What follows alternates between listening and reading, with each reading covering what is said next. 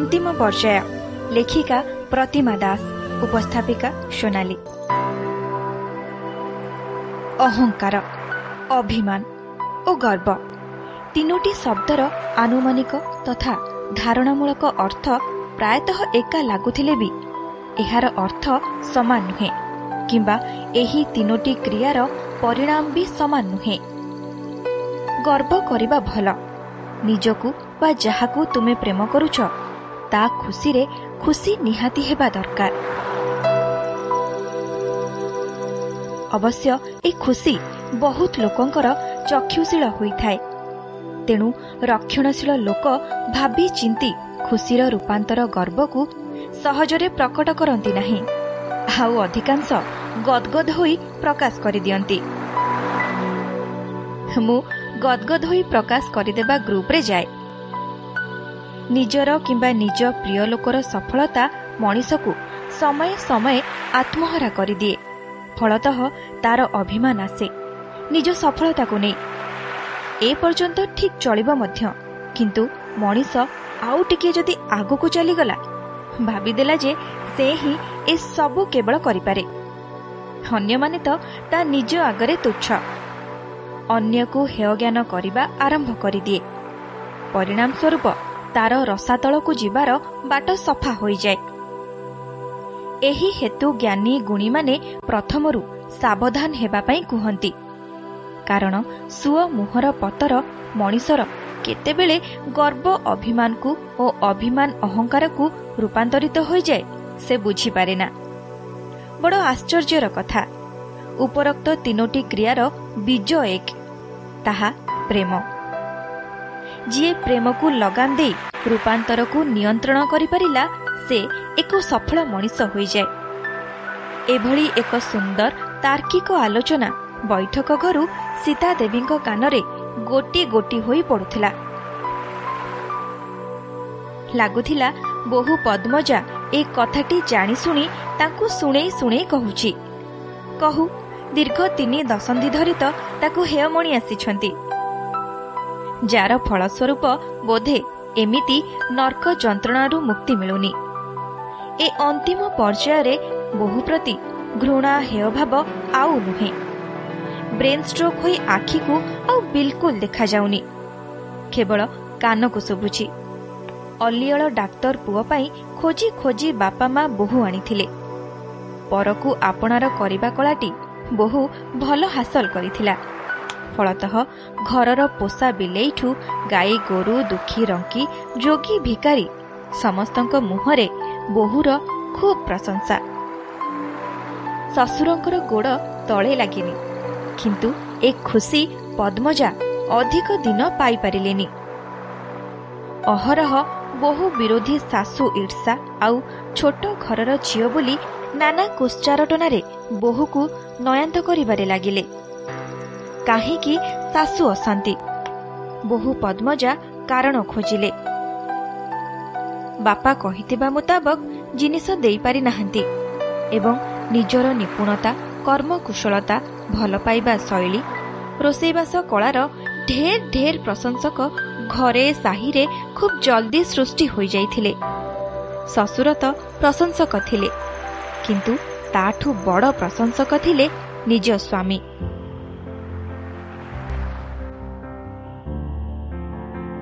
ରାତିରେ ସମସ୍ତ କାମ ସାରି ଶାଶୁ ଶ୍ୱଶୁରଙ୍କୁ ଘଷାମୋଡ଼ା କରି ଶୋଇବାକୁ ଗଲାବେଳକୁ ଖୁବ୍ ସ୍ନେହରେ ସ୍ୱାମୀ ଅପେକ୍ଷାରେ ଥାନ୍ତି ଆନନ୍ଦରେ କୋଳକୁ ଟାଣି ନେଇ ପଚାରନ୍ତି ଏଇ ପଦ୍ମଜା କେଉଁଥିରେ ତୁମେ ଗଢ଼ା? ଥକୁନ କିପରି ଯେ? ଏତିକି କଥାରେ ପଦ୍ମଜାଙ୍କ ସାରା କ୍ଳାନ୍ତି କୁଆଡ଼େ ଚାଲିଯାଏ। ମୋର ଗୋଟେ ନିଦ ଭାଙ୍ଗିଲାଣି। ସକାଳୁ ସେମିତି ଖଟୁଛ। ମେଡିକାଲ ପଡ଼ିଥିଲେ ଭଲ ଗାଇନୋକୋଲୋଜିଷ୍ଟ ଗୋଟିଏ ହୋଇଥାନ୍ତ। ତୁମକୁ ଏମିତି ଯୁଗ ଯୁଗ ଧରି ପାଖରେ ପାଇବାକୁ ମୋର ଦୁର୍ବାର ଇଚ୍ଛା ମୋଠୁ କେବେ ଛଡ଼ାଇ ନେବନି। କେବେ ବି ଦୂରେଇ ଯିବନି ମୋଠୁ। ପ୍ରମିଶ କର। ଥାଉ ଏମିତି ମନନିଆ କଥାଗୁଡ଼ା ଆଉ କୁହନି। ମୁଁ ଡାକ୍ତର ହୋଇଥିଲେ ତୁମମାନଙ୍କର ସେବା ପୁଣି କିଏ କରିଥାନ୍ତା? ପୁଅର ବୋହୂକୁ ଭଲ ପାଇବାର ମାତ୍ରା ଶାଶୁଙ୍କୁ କଷ୍ଟ ଦିଏ। ପଦ୍ମଜାଙ୍କ ସତର୍କତା ଥାଏ। ସ୍ୱାମୀଙ୍କ ଭଲ ପାଇବା ଚହଲିକି ପଦାରେ ନ ପଡ଼ୁ। କାରଣ ଶାଶୁ ହୁଏତ ଅଧିକ ଉତ୍କ୍ଷିପ୍ତ ହୋଇଉଠିବେ। ସ୍ୱାମୀଙ୍କର ଖୁବ୍ ଜଲ୍ଦି ଏକ ମାସର ଛୁଟି ସରିଗଲା। ଏକ ମାସ ମାତ୍ର ସାତ ରାତି ପରି ଲାଗୁଥାଏ। ସ୍ୱାମୀ ବହୁତ କଷ୍ଟରେ ଚାକିରିରେ ଯୋଗ ଦେବାକୁ ଗଲେ। ପଦ୍ମଜା ଶାଶୁ ଶ୍ୱଶୁରଙ୍କ ପାଖରେ ରହିଲେ। ଶ୍ୱଶୁର ନିଜ ଝିଅଠୁ ଭଳି ସ୍ନେହ କରୁଥିଲେ। ପଦ୍ମଜା ଭାବୁଥିଲେ ସବୁ କ'ଣ ଭାଗ୍ୟରେ ଏକାକାଳୀନ ମିଳିବ? ବାପା ପରି ଶ୍ୱଶୁର ଦେବତା ପରି ସ୍ୱାମୀ ତ ମିଳିଛନ୍ତି। ଆଉ ବାକି ଚଳାଇବାକୁ ପଡ଼ିବ। ଶ୍ୱଶୁର କିନ୍ତୁ ଦେଖିଲେ ସାମାନ୍ୟ ସାମାନ୍ୟ କଥାରେ ସୀତାଦେବୀ ଅତି ନିଷ୍ଠୁର ବୋହୂ ପ୍ରତି ହୋଇ ଚାଲିଛନ୍ତି। ଯେଉଁ ସୀତାଦେବୀ ଦିନେ ବୋହୂ ଥିଲାବେଳେ କହିଥିଲେ ନିଜ ଶାଶୁଙ୍କର କିଛି ଟାଣ କଥାରେ ଯେ ମୁଁ ଏପରି ଖରାପ ଶାଶୁ ହେବିନି। ଖୁବ୍ ଭଲ ଶାଶୁ ହୋଇ ବୋହୂକୁ ଭଲ ପାଇବି। ଆଜି କିନ୍ତୁ ଏକ ଅତ୍ୟାଚାରୀ ଶାଶୁରେ କିପରି ପରିଣତ ହେଲେ? ଏସବୁ ଦେଖି ଶ୍ୱଶୁର ପୁଅର ଖାଇବା ପିଇବା ଅସୁବିଧା ହେଉଛି। ଏହି ବାହାନାରେ ବୋହୂକୁ ପୁଅ ପାଖେ ଛାଡ଼ିବା ପାଇଁ ସ୍ତ୍ରୀଙ୍କୁ ବୁଝାଇଲେ। ଆଉ ବଡ଼ ଲୋଭ ବି ଦେଖାଇବାକୁ ପଡ଼ିଲା। ସୀତା ଶୁଣୁଛ?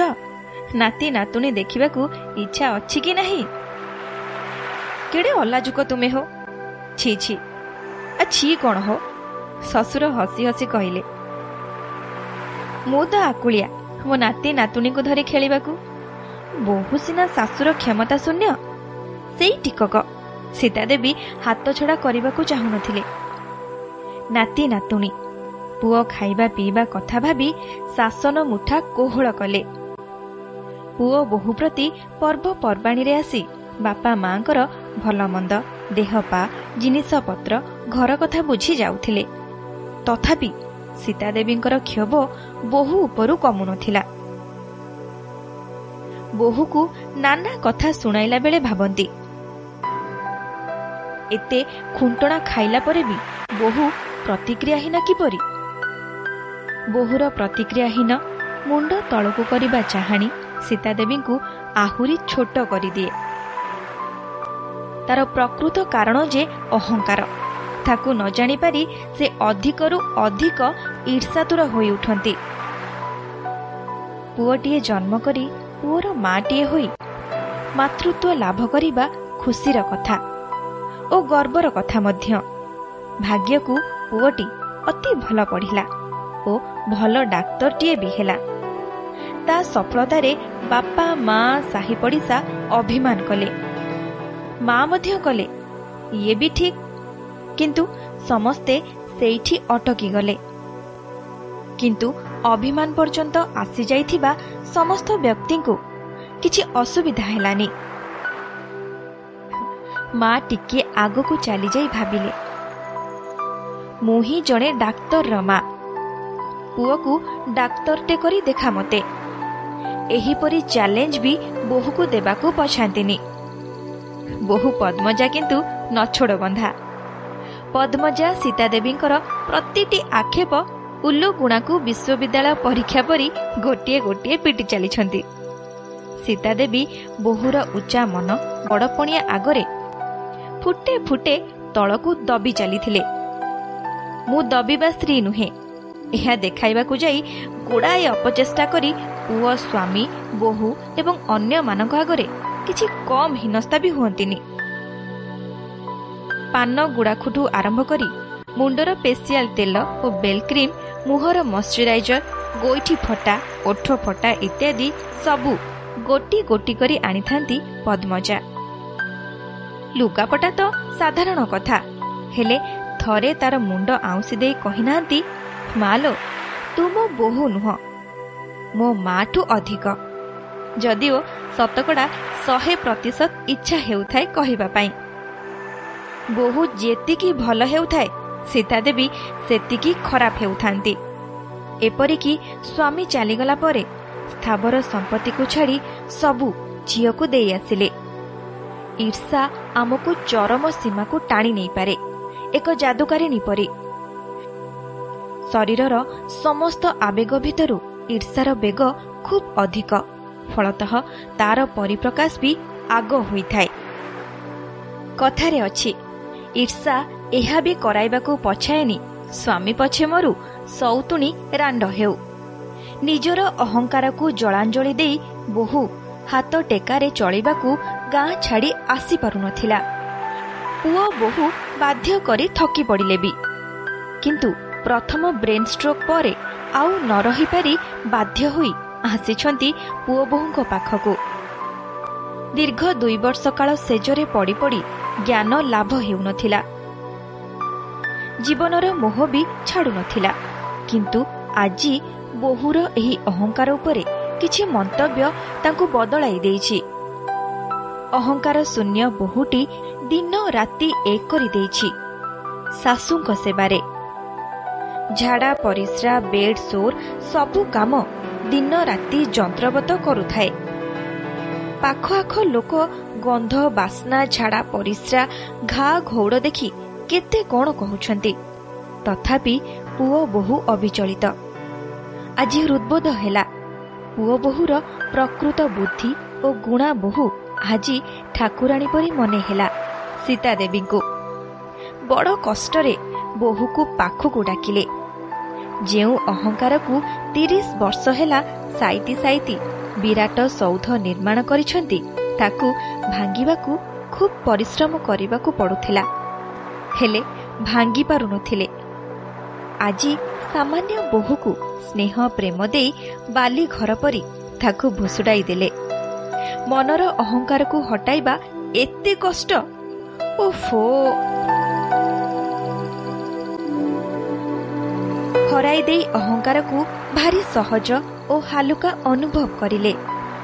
ମା ମୋତେ କ୍ଷମା। ଏତିକି କହି ଆଖି ବୁଜିଲେ। ଏକ ଶାନ୍ତିର କପୋତ ତାଙ୍କ ହାତ ଧରି ଏକ ସ୍ୱର୍ଗୀୟ ରାସ୍ତା ନେଇ ଯାଉଥିଲା। ପଛରୁ କାହାର କାନ୍ଦିବାର ସ୍ୱର ଶୁଭୁଥିଲା। ମା ତୁମେ ଏତେ ଡେରି କରିଦେଲ। ମା ସ୍ନେହର ଫଲୁଗୁଧାରଟି ବୁହାଇ ଦେବାରେ ଡେରି କଲେ ସତ।